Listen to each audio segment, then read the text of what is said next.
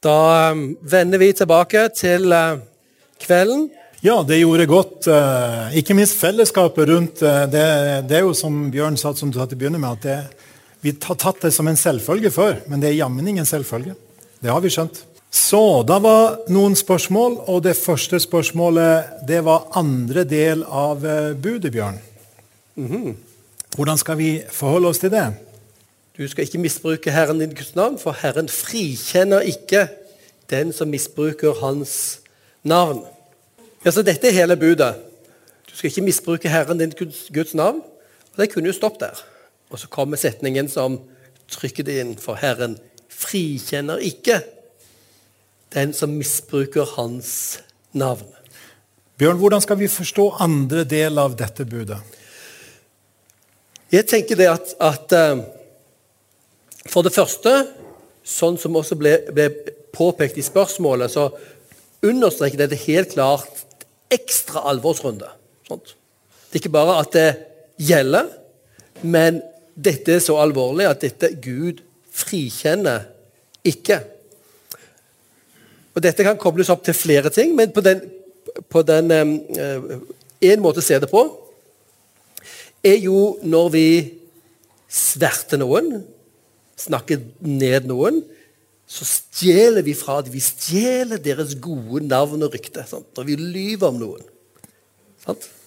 Tar en persons um, ry og rykte og stjeler deres gode navn. Da ødelegger vi de, ødelegger de for de. Med andre ord, Herren ser ikke me mellom fingrene. Med å stjele noens ære.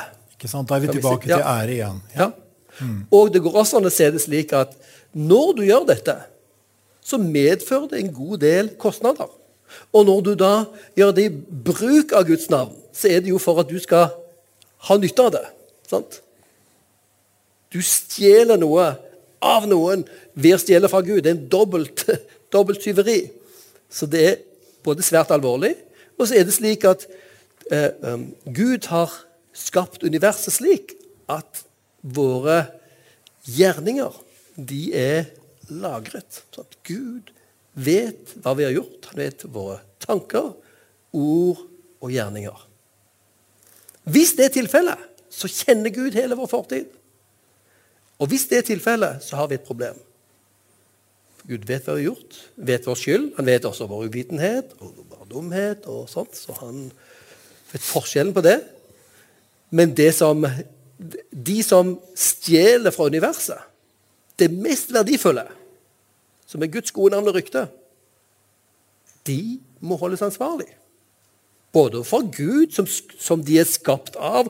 De, Gud fortjener din takk og pris. Når ikke du takker Gud, så stjeler du fra Gud. Og du ødelegger for andre mennesker ved at Guds navn ikke blir løftet opp, men tvert imot misbrukt, tråkket på, mistenkeliggjort. Så du gjør kjempestor skade. Og det er en av tingene Gud ikke vil eh, overse. Her kunne vi selvfølgelig sagt mange ting om det, men, men skal vi gå videre til neste? Eh, og før vi tar det, tar det siste som kom opp, hva med budet i vår tid? Hva skal vi tenke om et bud som dette? Er det gyldig i dag? Hva betyr det i dag? Hva, hvilken rolle bør et slikt bud ha i en kristens liv og i menighetens liv? Ja. Det som vi veldig fort kanskje kan henge oss opp i, er det med banning rundt oss. Dette er en del av vokabularet. Kom dere ut forbi kristne sammenhenger, så merker man faktisk veldig fort er dette troende mennesker eller ikke. For du merker det på de små detaljene i språket. De ordene man bruker for å skape kraftuttrykk. Sant? Hvis de er religiøse, så er det sannsynligvis mennesker som ikke er spesielt religiøse, som bruker de. Så jeg tror, jeg tror ikke dette dreier seg først og fremst om den litt mer eller mindre uskyldige banningen. Du tar riktignok Gud og Guds navn som med letthet, men hele livet ditt er jo likegyldig til Gud fra før, så jeg vet ikke om det gjør så veldig mye mer alvor. Men Guds navn har jo med hans person å gjøre. Og jeg tenker det er vi som er bærere av hans navn. Han har lagt sitt navn over oss. Vi som kristne bærer Guds nærvær og Guds ry og rykte gjennom verden. Sant? For oss er det veldig viktig at hans navn holdes hellig.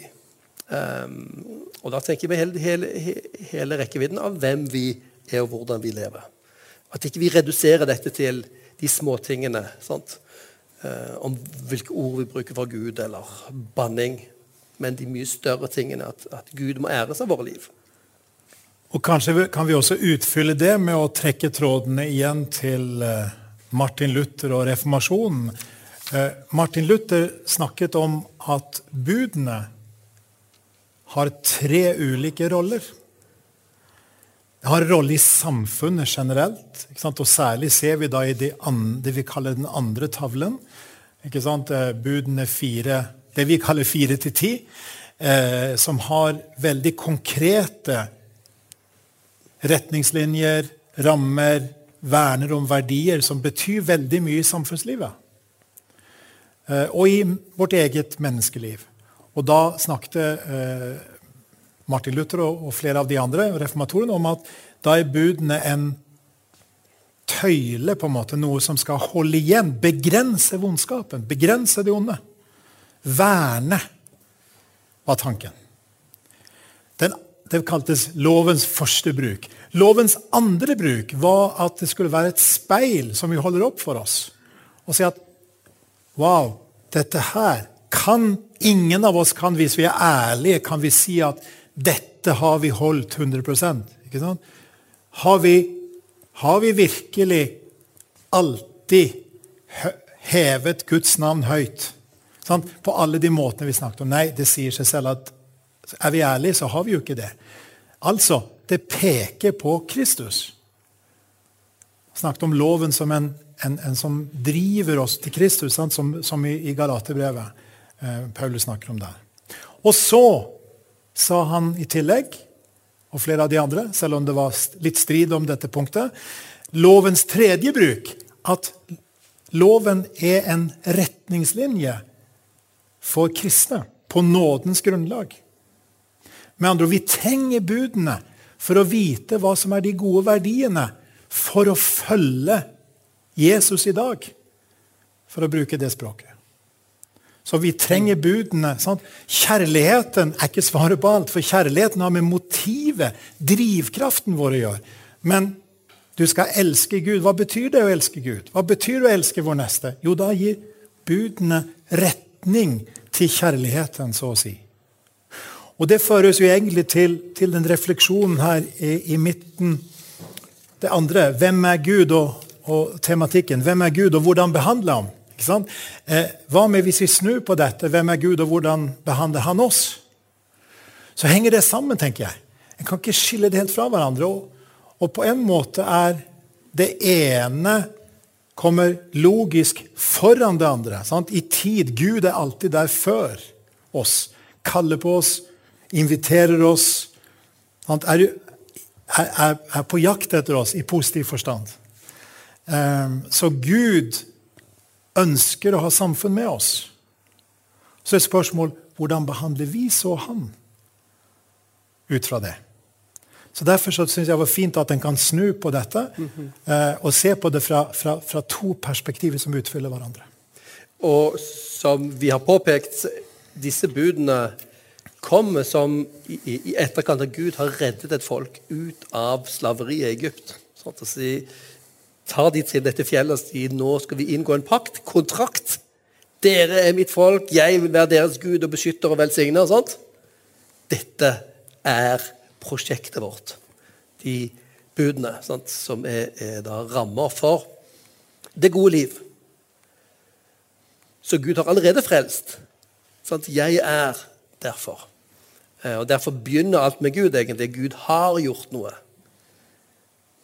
Men denne, eh, de budene er jo, er jo, om hva vi skal gjøre. Sant? Så Derfor var det en tematisk fristelse for oss å si ja. ok, De første, de første tre budene sier oss noe om hvordan vi skal behandle Gud.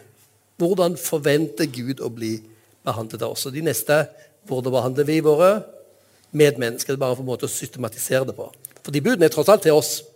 og vi skal gjøre eller ikke gjøre. Og et siste poeng om bud nummer to, som vi kaller bud nummer to, eh, i forhold til sammenhengen med første budet. Fordi første budet har med å ikke ha noen andre guder enn en, en Gud selv.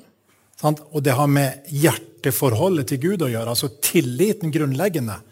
Og så vet vi Jesus snakket om at sant, det som vi snakker, kommer innenfra.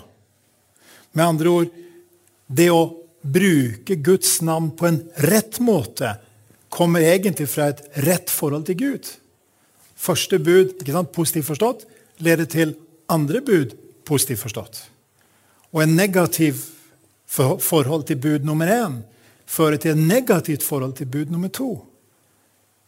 Det er en fin sammenheng. så Det skriver eh, Luther om i, i sin store katekisme nokså folkelig og frodig. Og bud nummer tre, Bjørn.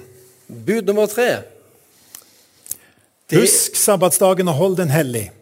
Seks dager skal du arbeide og gjøre all din gjerning, men den sjuende dagen er sabbat for Herren din Gud. Da skal du ikke gjøre noe arbeid, verken du eller din sønn eller din datter, verken slaven eller slavekvinnen din, verken buskapen din eller innflytteren som bor i byene dine. For på seks dager laget Herren himmelen og jorden, hav alt som er i dem, men den sjuende dagen hvilte han. Derfor velsignet Herren sabbatsdagen og helliget den. Hvorfor i all verden et slikt bud, Bjørn? Ja, Altså, Egentlig så sies Dette er jo det lengste budet du har. Som er egentlig ikke noe du skal gjøre, men noe du skal la være å gjøre. Og noe som egentlig er Yes! Dette som er 17. mai. Du får fri. Det gjelder slaver og sånt. Før i tiden var det arbeid det var slitsomt. Sant? Nå, må vi jo ut og gå for å liksom holde oss ved like. Sant? Fordi alt, veldig mye, veldig mange av oss har sånn sittende jobber. Og det, sant? det Mesteparten av historien har arbeid vært et svært slit og kamp for å overleve. Og så kommer Gud og sier nei, hver uke en helt fri dag for deg og alle du har i huset, og dyrene. Jeg skjønner Bjørn, jeg har et stykke igjen Begeistret for dette. Jeg skjønner jeg har et stykke igjen før jeg helt skjønner at dette er 17. mai-budet, men, men men, men ja. eh, vi, Det står ikke 'gå i tog', men, nei, nei. Men vi, vi, skjønner poenget. ja. Så, så Men er det et bud? Er det et tilbud? Ja. Er det et forbud? Jeg tenker at Du kunne jo tenkt at Gud kunne bare funnet på et eller annet. Si hva vi skal gjøre. Alle skal gå på med rød sokke på høyre fot. Eller hinke tre ganger hver morgen. Gud, Gud kunne gjøre sånn. Gud har autoritet til bare å be oss om en ting. La være å spise den frukten. Alt det andre bra. Ikke spise den frukten. Har dere hørt om den? Gud har en autoritet til å kunne si noe sånt. Men det er interessant, i de budene han har gitt oss, ligger det alltid en indre logikk sant? som både forklares her at OK, hvorfor dette her? Jo, dette har noe med et mønster som Gud allerede har lagt. Sant? i skaperverket, i skapelsen. Når, vi, når, når, det fortelles om hvordan Gud skapte, så er det et mønster. Men dette var vel noe som alle land i, i eh, Midtøsten hadde, var det ikke det? Nei, det var ikke det. Dette her er en radikal ny oppfinnelse fra det jødiske folket. Hver syvende dag. Da finnes religiøse høytider og helligdager rundt omkring hos alle folk. Derfor hadde man kalendere, derfor feiret man nyttår og nymåner og det ene og det andre. Men syv, ukedag med syv den er visstnok, så langt de vet, oppfunnet jordisk sett av jødene. Dvs. Si jødene fikk dette som en gave.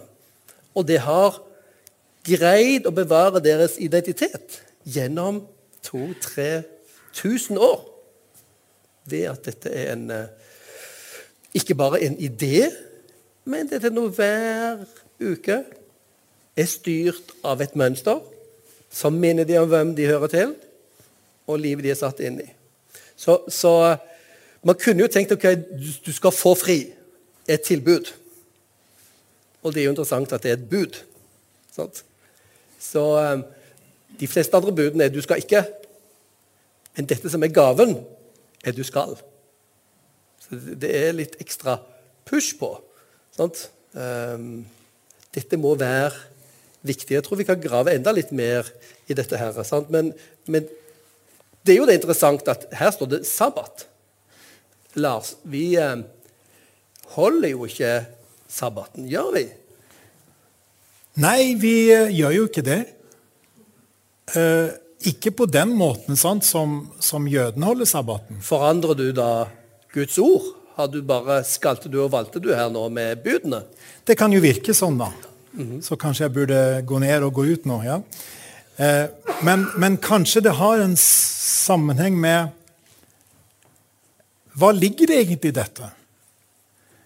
Eh, og igjen så må jeg si at det er utrolig interessant å se på hvordan Martin Luther i nå den store katekismen hvordan han formidla her. Etter sin utvortes ordlyd angår altså det tredje bud ikke oss kristne. Altså, Som en ordning som hører hjemme i den gamle pakts tid, ikke sant? angår det ikke oss. For ved Kristus er vi nå stillet fritt i alle slike ting. Vi er altså frie fra ordningene i Det gamle testamentet fordi det er en ny pakts tid. Men så stanser han ikke der.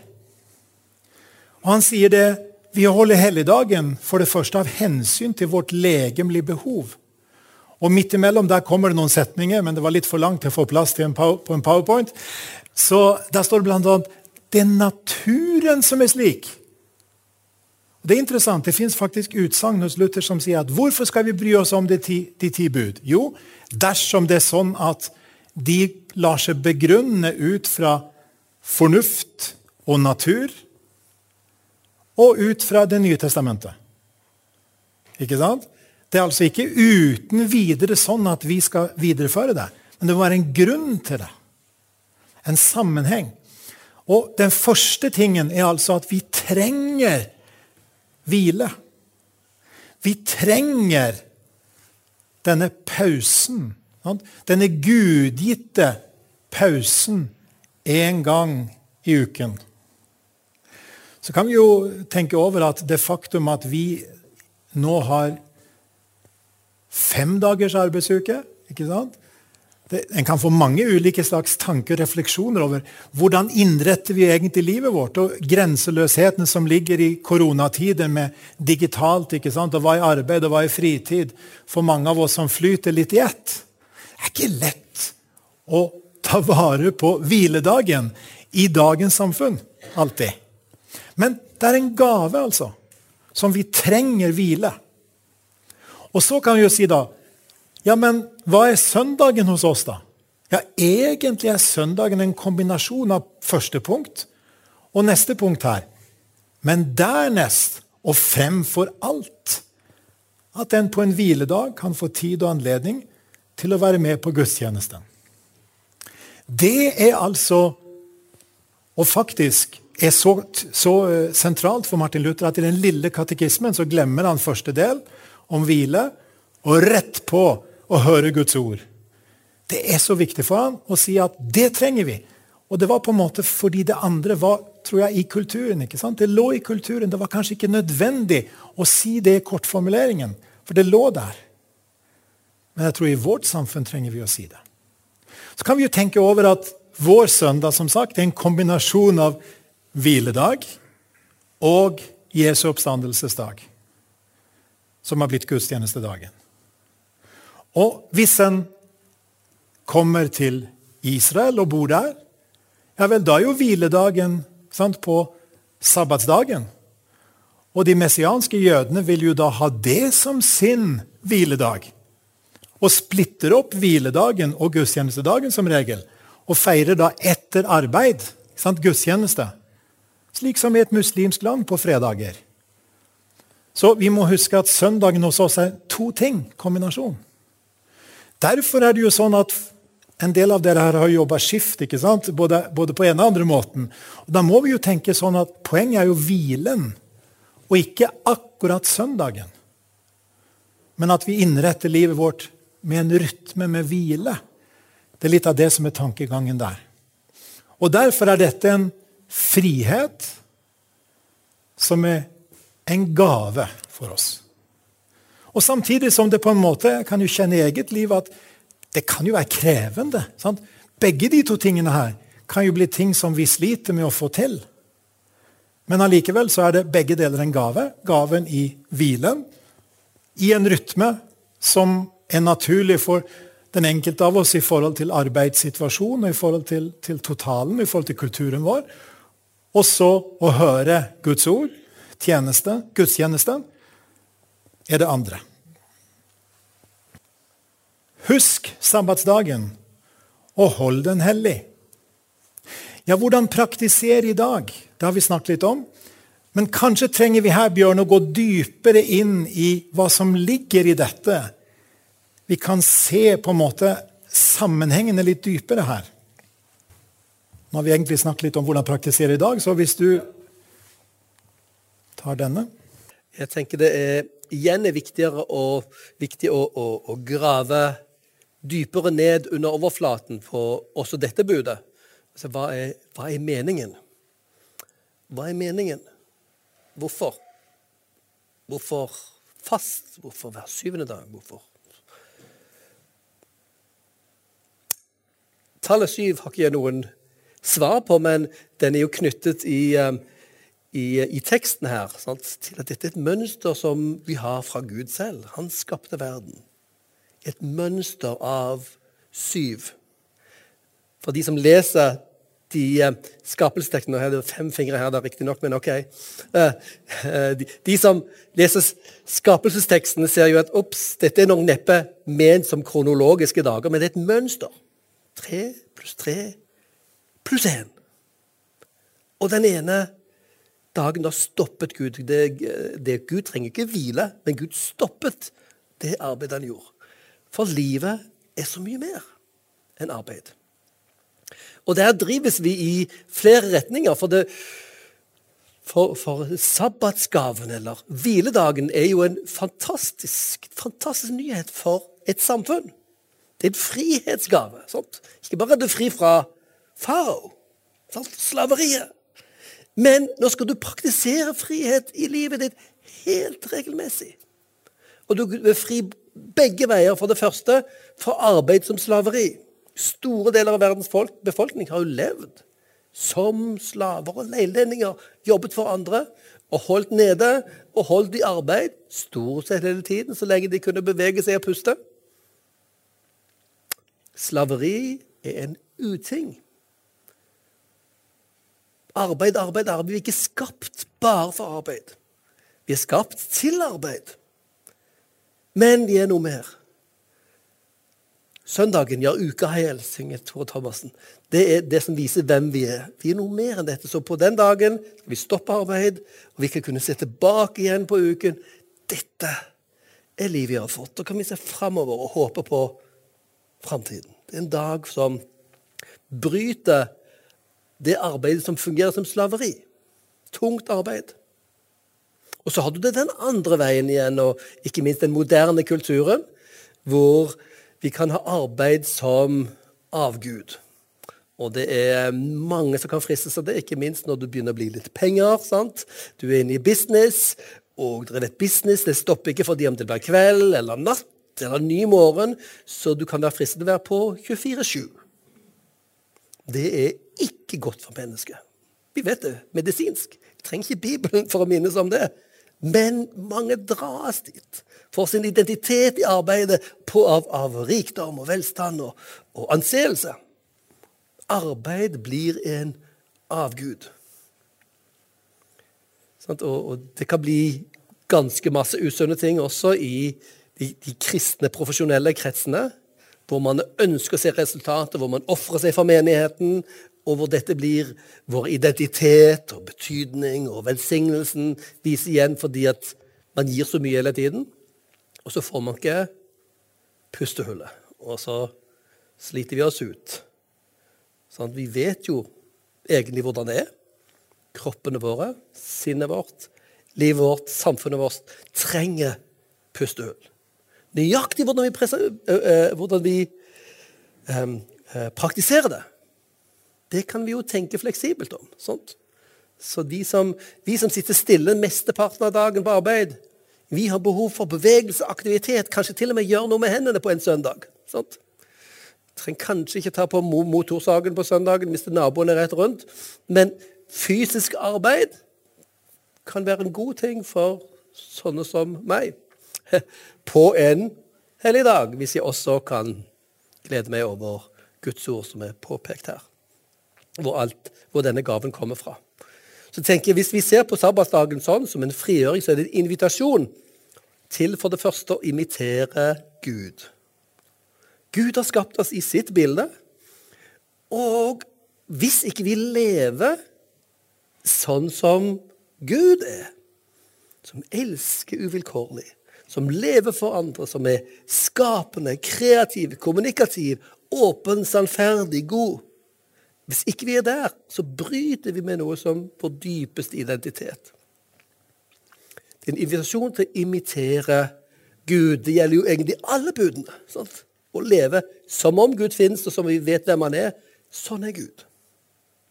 Derfor ligger disse steintavlene i bunnen av det vi kaller Guds trone, eller denne paktkisten.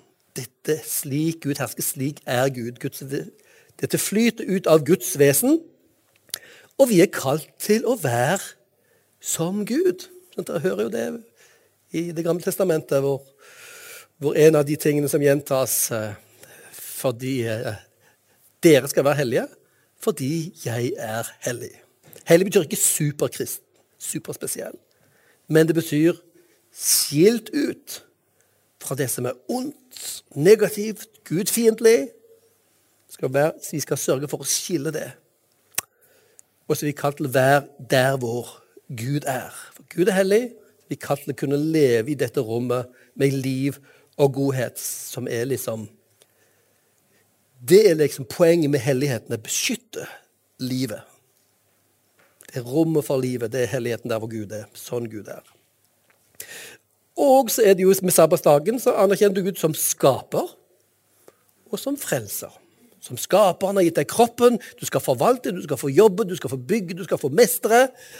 Og så skal du få sette deg ned og se, se hva jeg har fått til. Så langt jeg har maktet, sammen med andre som skaper planen. Vi er skapt til det. Vi er ikke skapt til å være overåndelige mennesker som først og fremst skal til himmelen. Vi er skapt for denne jorden og være, med oss, være medskapere med vår Gud. Og som frelser. Han reddet oss ut fra Egypt, gjort oss til sitt folk. Um, og vi følger hans mønster. Og vi vet jo, vi hører jo til den nye pakten, så det er jo en enda større frelsesgjerning høyere pris Gud har betalt for å redde oss ut. Fra synden og skylden og djevelen, som vi sier. Jesus døde på korset og har greid å fri oss ut av dette gjennom den store frelsesgjerningen. Og Da er det egentlig å invitere Gud inn i vår livsrytme. Sant? Uken, hva er det? Dagene, hva er det? Det er tiden. Så når dere leser i, um, i det, første skapelsesdagen Hva skapte Gud? Han skapte lyset. Mm, og hva skapte han så? Jo, skapte han et skille mellom lys og mørke. Det er en veldig rar ting. Det, det, har ikke noe med det fysiske lyset å gjøre. faktisk, det hele tatt. Han skapte dag og natt. Altså tiden. Gud har skapt tiden. Der vi lever. Det er livet vårt. Fra morgen til kveld til natt til morgen. Det er dagen, det er livet. Sabbaten, eller hviledagen, inviterer oss inn i en rytme eh, som imiterer Gud, og som gir Gud tiden vår. Det som, som vi snakker om, om, i mange kristne sammenhenger, å gi tienden. Sånn, du gir til Gud. Ikke bare de skal gi Gud, Gud en sånn filleting. Tienden er liksom det, det første og beste du har. Det gir du til Gud som egentlig er tegn på resten tilhører han. Alt tilhører deg, Gud. Dette er sånn symbolhandling. Og sånn er det også med søndagen. Ok, Denne vil jeg innvie til deg, Gud, fordi du eier alle de andre dagene. Og jeg vet at du, Gud, er Gud som gleder seg over. Glede og moro og mat og selskap og venner. Til og med en joggetur i ny og ne, eller gjør noe annet gøy. Jeg inviterer Gud inn i vår rytme. Og det er viktig å huske at det her er ikke den fjerne, strenge Gud som først og fremst er opptatt av å se på livet som en test for oss, sant? men det er en Gud som er gledens herre. Sant? Det synger vi på bordversene. Inviterer han inn, det er søndagen. Gledens herre. Vær vår gjest, og ikke, ikke forsvinn i uka, men du er her. Så dette er egentlig når vi ber for maten, så er det som en liten søndag. Vi inviterer Gud inn i livsrytmen vår, i livet. Og det med å forme vår identitet, tenker jeg. Vi minnes om hvem vi er. Vi lager en ramme rundt livet som gir oss en bevissthet om hvor vi kommer fra, hvem vi er, at livet tilhører Han. Eh, og dette, dette gir jo veldig god mening også når vi ser på jødenes egen historie. Hvordan de, ulikt alle folkeslag vi ellers kjenner, har greid å holde til en viss grad sant? på sin identitet, sin store, sin åpenbaring hvor delvis dette med ukerytmen Dette er Gud. Jeg tilhører Gud. Det er rommet hvor jeg finner meg selv. Så jeg tenker Sabbatsdagen er et fantastisk, et fantastisk budskap til oss. Det er en fantastisk invitasjon til å legge fra oss byrder. Og så kan vi ehm, Kan vi ta en sånn eh, oppsummering av de første tre budene. Så har dere noen spørsmål umiddelbart etterpå her nå, så, så, så kommer de. Vi skal ta de også. Um, men akkurat nå så tar vi en, eh, nærmest en, en, en avslutning av, av, den eh, umiddelbare formidlingen herfra. Um, men det er nyttig å tenke igjennom de første tre budene, sånn som vi har kalt de tre. For de dreier seg om hvordan Gud er. Hvordan, hvordan behandler vi Gud? Jo, vi trenger å vite hvem han er. Skal Gud betales? Skal Gud mates? Skal Gud bæres rundt? Hva? Så trenger Gud oss. Sant? Det er ikke opplagt hvem Gud er. Du ser det på kulturene og religionene i verden. Deres bilder av Gud er med å forme hvordan de ser for seg at de skal behandle Gud. Vi kan si det er deres religiøsitet. Det kan være en, sånn, en ting som Gud ser OK, de lengter etter meg. Og samtidig med måten de behandler meg på, det de tenker om meg, er jo et hån og en sant? Eh, mot dem en virkelig er. Men de lever i uvitenhetens tider. Når vi vet hvem denne Gud er som har skapt oss, skapt universet, universets herre og konge, så ser vi at disse budene følger logisk. Sånt. Og Der ser vi en ganske, ganske klart skille mellom, sånn, uh, mellom den um, klassiske, kanskje de ortodokse islamske tenkningen om lov og rett. Som handlingene er det viktigste. Du, du skal ikke spørre om hvorfor, hvorfor Muhammed har bedt deg om å be sånn eller gå med det tøyet. Det, det, er Gud som har gjort det. Og det kunne jo Gud, i grunnen Gud ha gjort. Sant? Men det er en ganske stor forskjell på hvordan vi kristne og hvordan Bibelen åpenbarer Gud. Sant? Når han ber oss om å gjøre noe. Det hender han ber oss om å gjøre ting som er liksom litt ut forbi, så vi ikke vet helt hvorfor han spør oss om. Reise til andre steder og nasjoner eller snakke med noen. Sånn, det kan være en ting som er litt ikke helt vanlig. Det, det kan vi gjøre også. Men det Gud kaller oss til, egentlig til livet. Ikke til å være sær og spesiell. Og når det gjelder de første Tre budene. Alle budene er for å verne noe. Når du sier nei til noe, så er det alltid for å beskytte noe. Ikke for en test. Det følger fra hvem Gud er. For det første, Gud er det viktigste. Der kommer det budet ikke ha andre guder. Fordi Gud er bare én. Sett et gjerde rundt det var det de eh, jødene snakket om, et gjerde rundt hvem Gud er. Han skal ikke erstattes med noe. Ikke, dette med gudene, andre gudene må ikke komme inn der Gud er det viktigste. Han er som gravitasjonspunktet til hele universet. Sant? Han er det som holder alt sammen, eh, og da må alt eh, forholde seg til det. Gud er det viktigste. Det er da startpunktet for Gud, forbudene. Svært logisk, meningsfullt. Gud må ikke erstattes med noe annet, med noen bilder vi har lagd. Så vi kan også koble på erstatte den med våre egne fantasier eller ønsker eller gudsbilder. sant? Fordi Gud er det viktigste. Fordi Gud er den, den han er, så må ikke Guds renommé svertes. Det har vi også snakket en god del om. Guds navn er så viktig. Det er viktig for vår og verdens frelse. Kun hvis de kan komme til å finne og gripe og rope etter Gud, at eh, de kan finne håpet. Sant? Derfor er Guds navn så viktig.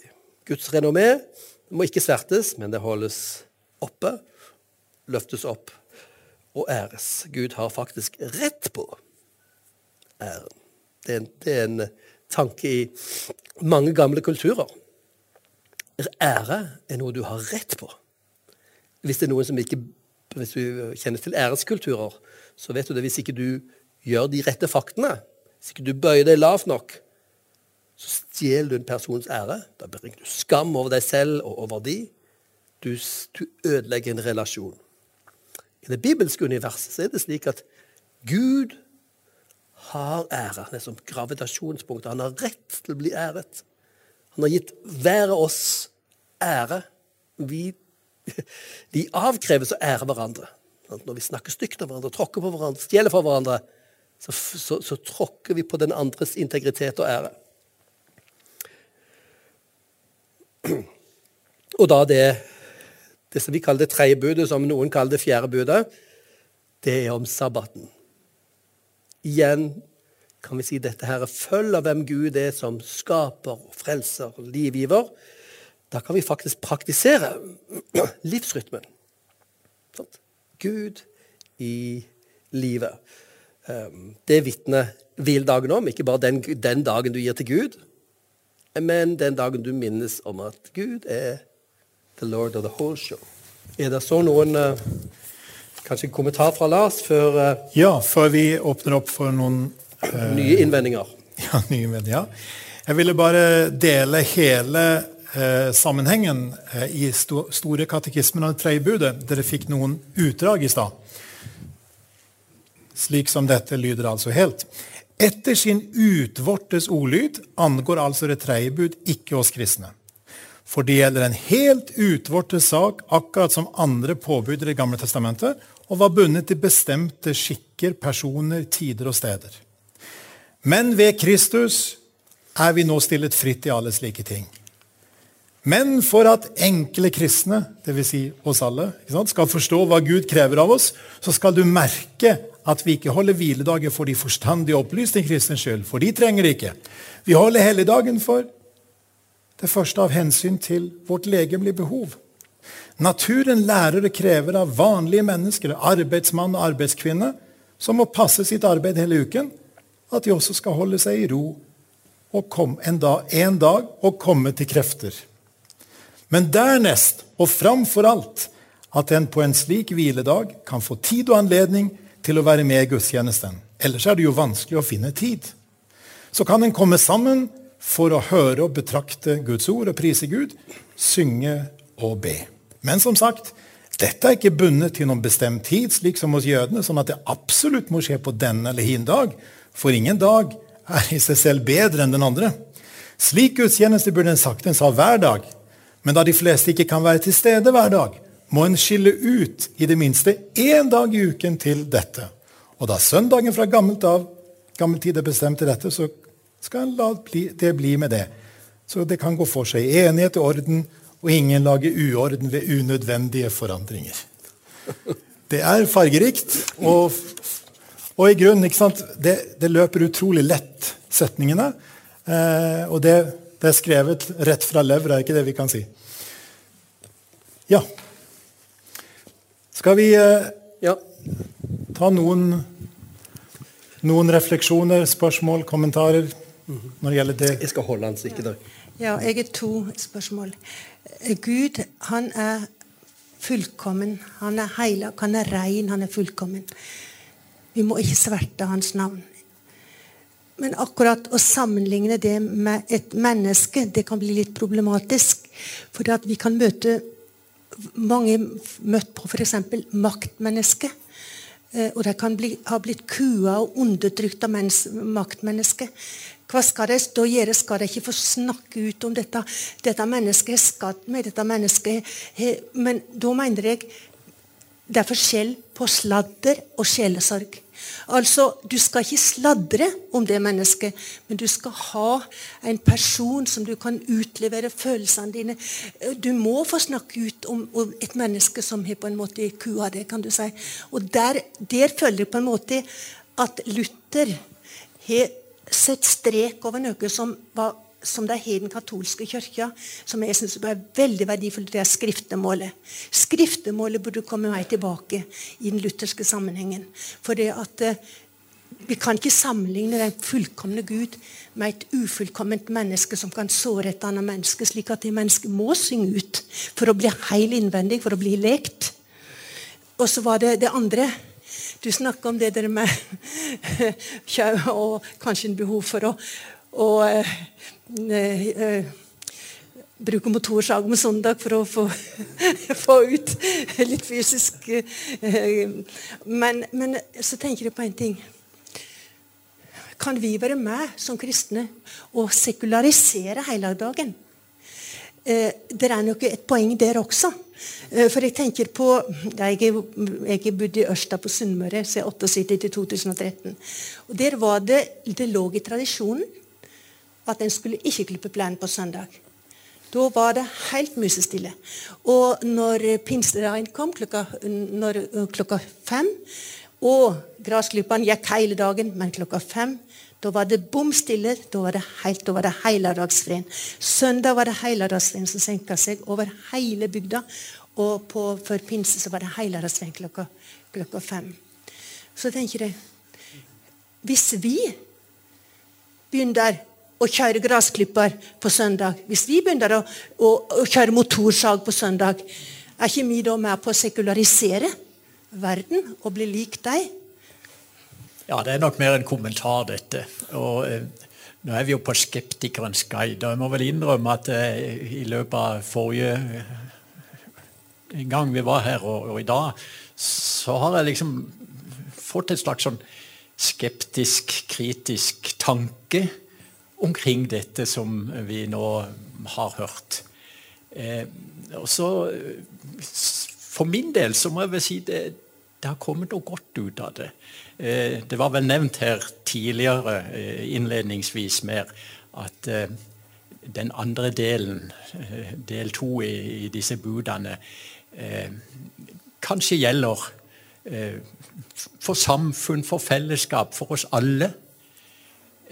Men så har det vel liksom slått meg at første, andre og tredje bud, det er virkelig noe som kan være til utfordring og ettertanke for meg og for oss som kristne.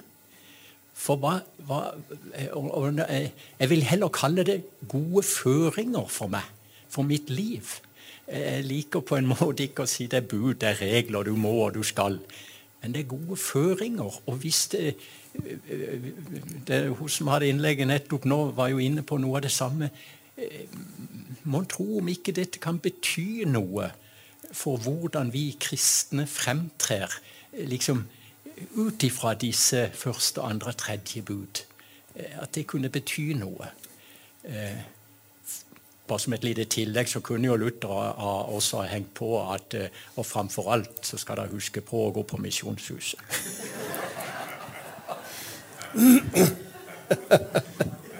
Fremfor alt. Mm. Ja, da måtte vel Luther ha vært ordentlig profetisk, kanskje. Men det som jeg eh, lurte på, var vi har jo en del omtale av Gud i Gammeltestamentet, spesielt salmene, som ikke nødvendigvis er så lystelig å lese. Er det da å misbruke Guds navn? Hva tenker dere om det?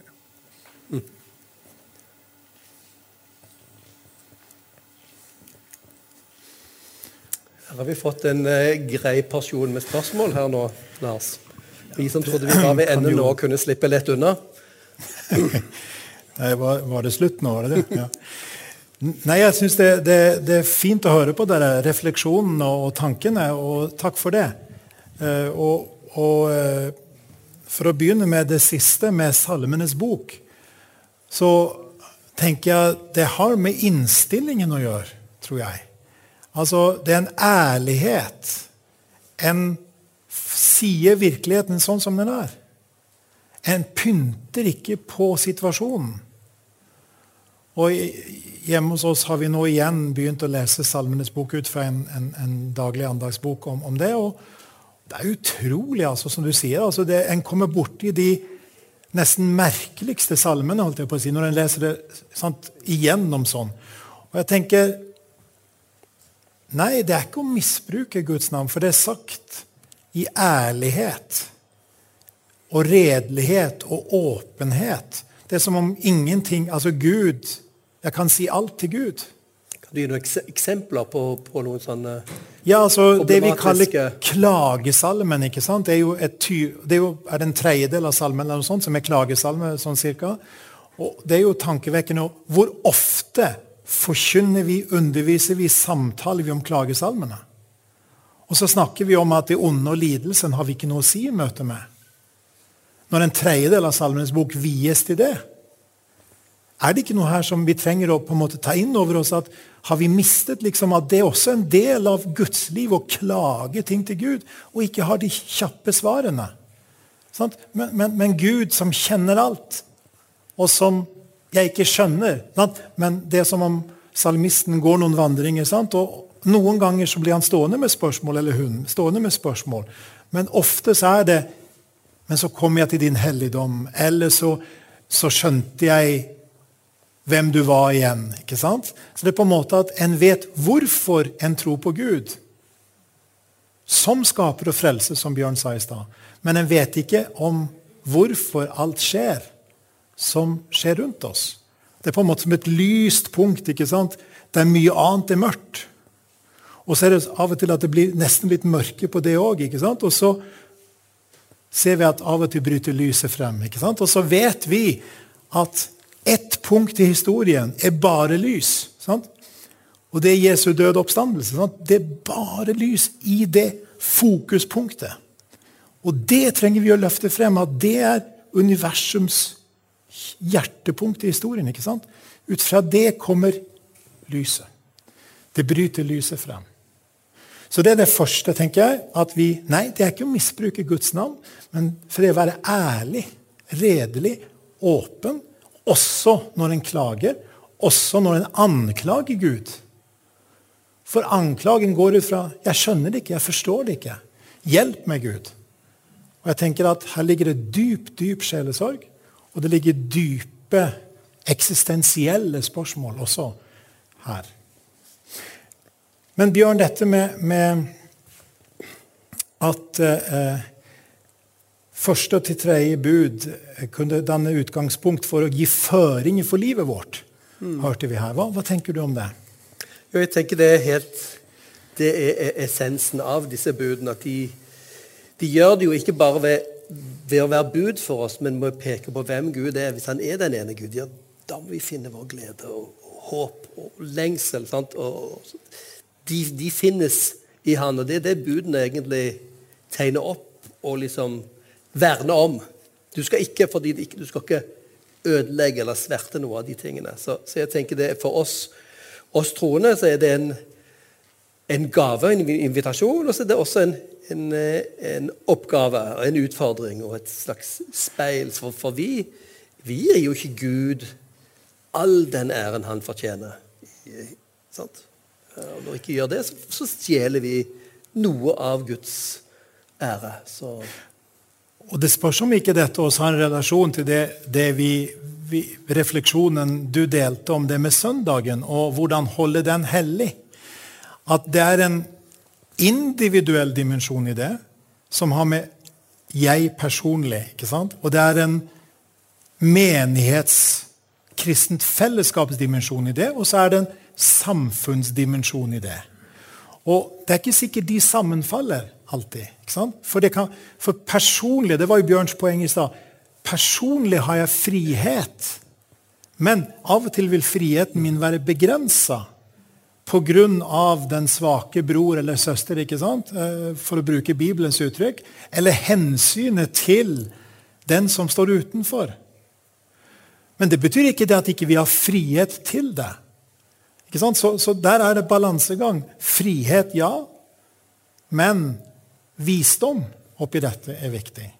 Og så er det jo andre siden av saken at vi trenger å altså, Hvis det er sånn at vi er skapt til en hviledag på en eller annen måte, til, til å ha ordentlig hvilepuls i livet vårt, i samfunnet som stort, så er jo det et gode i samfunnet. Og det er interessant at i Norge så har jo fagbevegelsen, ikke minst, vært en alliansepartner med, med Kirken og med, noen, med, en del andre for å beholde helligdagsfreden mest mulig.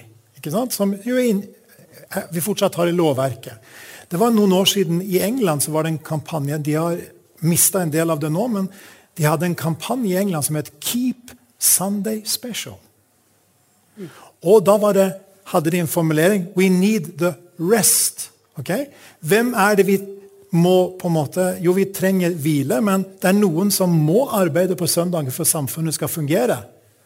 De som driver med R, recreation. Okay? Til mus museer, ikke sant? Eh, altså ulike steder, parker, der folk jobber for å ta imot. E for emergency, altså alle nødetater, helseetater. S for service, vi trenger tjeneste. T for transport, vi trenger transport. ikke sant? Vi skjønner at ja, Bryter de helligdagen, da? Nei, de gjør ikke det, for det er frihet og fordi vi trenger det samfunnet. Men det betyr ikke at samfunnet som helhet ikke trenger en dag der pulsen er lavere. Og der vi på en måte kan hvile og få tilkobling. Så det, det er balansegangen. Det er både det individuelle og ære Gud og, tre, og gudstjenesten. Det er fellesskapet, men det er også samfunnsdimensjonen. Og hvis vi er langt inne i skogen en plass og ikke, ikke rokke ved helligfreden til andre, da tenker jeg da er verken motorsag eller annet en utfordring. Men, men ikke sant? det gjelder å være viselig i dette. Eh, men friheten har vi prinsipielt. Det er viktig. Vi kan ikke binde hverandre eller oss selv, for vi er frigjort i Kristus, som Luther treffende sier. Og um, dette med påvirkning av kulturen jeg tenker det er en, vikt, en viktig ting, men vi trenger den klokskapen her. for noen av oss er jo vokst opp med å kjenne folk som ikke fikk lov å sparke fotball fordi det var søndag. At våre foreldregenerasjoner så på søndagen som så viktig dag at de fikk ikke De fikk ikke knitt. De fikk ikke knytte. Det heter strikke på norsk, disse fremmedordene. Ja. Ikke strikke, ikke spille kort, ikke fotball. Sant? Og, og en del, en, og, og, mange av disse her var ikke nødvendigvis så veldig kristne heller, men den kristne kulturen har, vært, har ført til at en del har litt avsmak av hvordan kristne har forsøkt sant, å holde resten av samfunnet eh, med en sånn moralsk pekefinger. Og da, det, har, det har nok vært en veldig lovisk forståelse av dette tidligere, tenker jeg, som er litt uheldig. Men det går an å argumentere for at ok, dette, søndagen burde være fri. I vår eh, blokk så diskuterte vi kan vi bruke vaskemaskin også på søndagen. Og Jeg liksom forberedte et balansert innlegg, men jeg ble kutta raskt av. 'Ikke tale om!' var det en som sa. Da er det helt umulig å få vedtatt noe. En sa nei. Så det var helt andre som sa det. Sant? Men begrunnelsen er ikke at i Bibelen står det at du skal ha, ha hviledagen. Sant? Men det er godt med fred. Så mm. Så ingenting om vaskemaskin? sånn, nei? Det gjør ikke det. Er det arbeid? Så, men, men, her rører vi sant, den livsrytmen sant, som, som, som, vi inviteres inn til her. Som, som, er noe, som er en gave, egentlig. Og som du, Bjørn berørte her, er jo en Det dreier seg også om sosial rettferdighet. ikke sant? Tredje bud, det vi kaller tredje bud, holde hviledagen hellig, var dramatisk positiv i, i, i perspektivet sosial rettferdighet. ikke sant? For det satte folk fri til å ha en dag fri. Og ikke, La oss ikke glemme at det er kristne ofte som har gått i bresjen for samfunnsreformer som ivaretar hvile. Tenk barnearbeid, tenk slaveri. Hvem sto i spissen? Jo, ikke minst eh, en gruppe kristne i England. ikke sant? Leda for William. oppheve det, vel å merke. For å oppheve det, ja. Mm. Oppheve for slavehandelen, og så oppheve slaveeierskapet. Mm. Og det var fordi de hadde skjønt den indre dynamikken i dette. Um. Og, og, når vi forstår hvordan de første kristne praktiserte dette, så samlet de seg på morgenen den første dag i uken, før arbeid, før soloppgang, og sang sanger til Jesus som Gud, står det fortalt. Det var altså før arbeidstid. Så møttes gjengen og ba og sang, og så gikk de på jobb. Og stordelen av de var slaver som ikke kunne bestemme mye av, av tiden sin. Sant? Så, så uh, de kunne ikke gå og kreve og klage på at helligdagen ikke ble holdt hellig. Sant? Det var ikke det. Det vil si, Rom kunne ha 150 helligdager iblant. Det var, det var bare keiseren som bestemte. Nå er det fridag, nå er det fridag, nå er det, går vi på Colosseum, nå er det fest. 150. Sånn uforutsigbart. Eh, og her har vi en eh, forutsigbar rytme på syv. For alle. Ikke bare for de som eh, er slaveeierne. La oss avrunde med å si noe om dette med for, forskjellen mellom Gud og mennesker, som, som, du berørte. Helt opplagt, viktig. Takk for den refleksjonen. Det er opplagt at, at det er forskjell på Eh, å respektere Gud og å respektere andre mennesker. Men det er også en linje her, ikke sant? fordi vi alle mennesker er skapt i Guds bilde.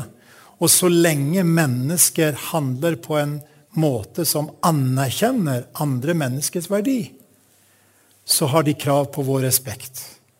Men, men mennesker kan jo misbruke den rettigheten sant? og kan handle galt i møte med andre mennesker. Og da har jo ikke vi lenger plikt til å adlyde, men må tenke at her er det noen dypere verdier som jeg må stå opp for ikke sant, i møte med det. Så da er det riktig både å irettesette og påtale, og iblant bringe til domstolen. sant?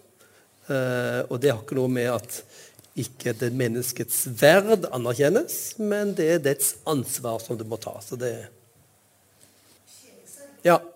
Der, der også få, få, snakket om tingene. Sant? Og der er det jo den store forskjellen mellom på kaffeslabberaset å sitte og snakke om alle de ting som er gjort imot deg, og det som er fortrolig. Sant?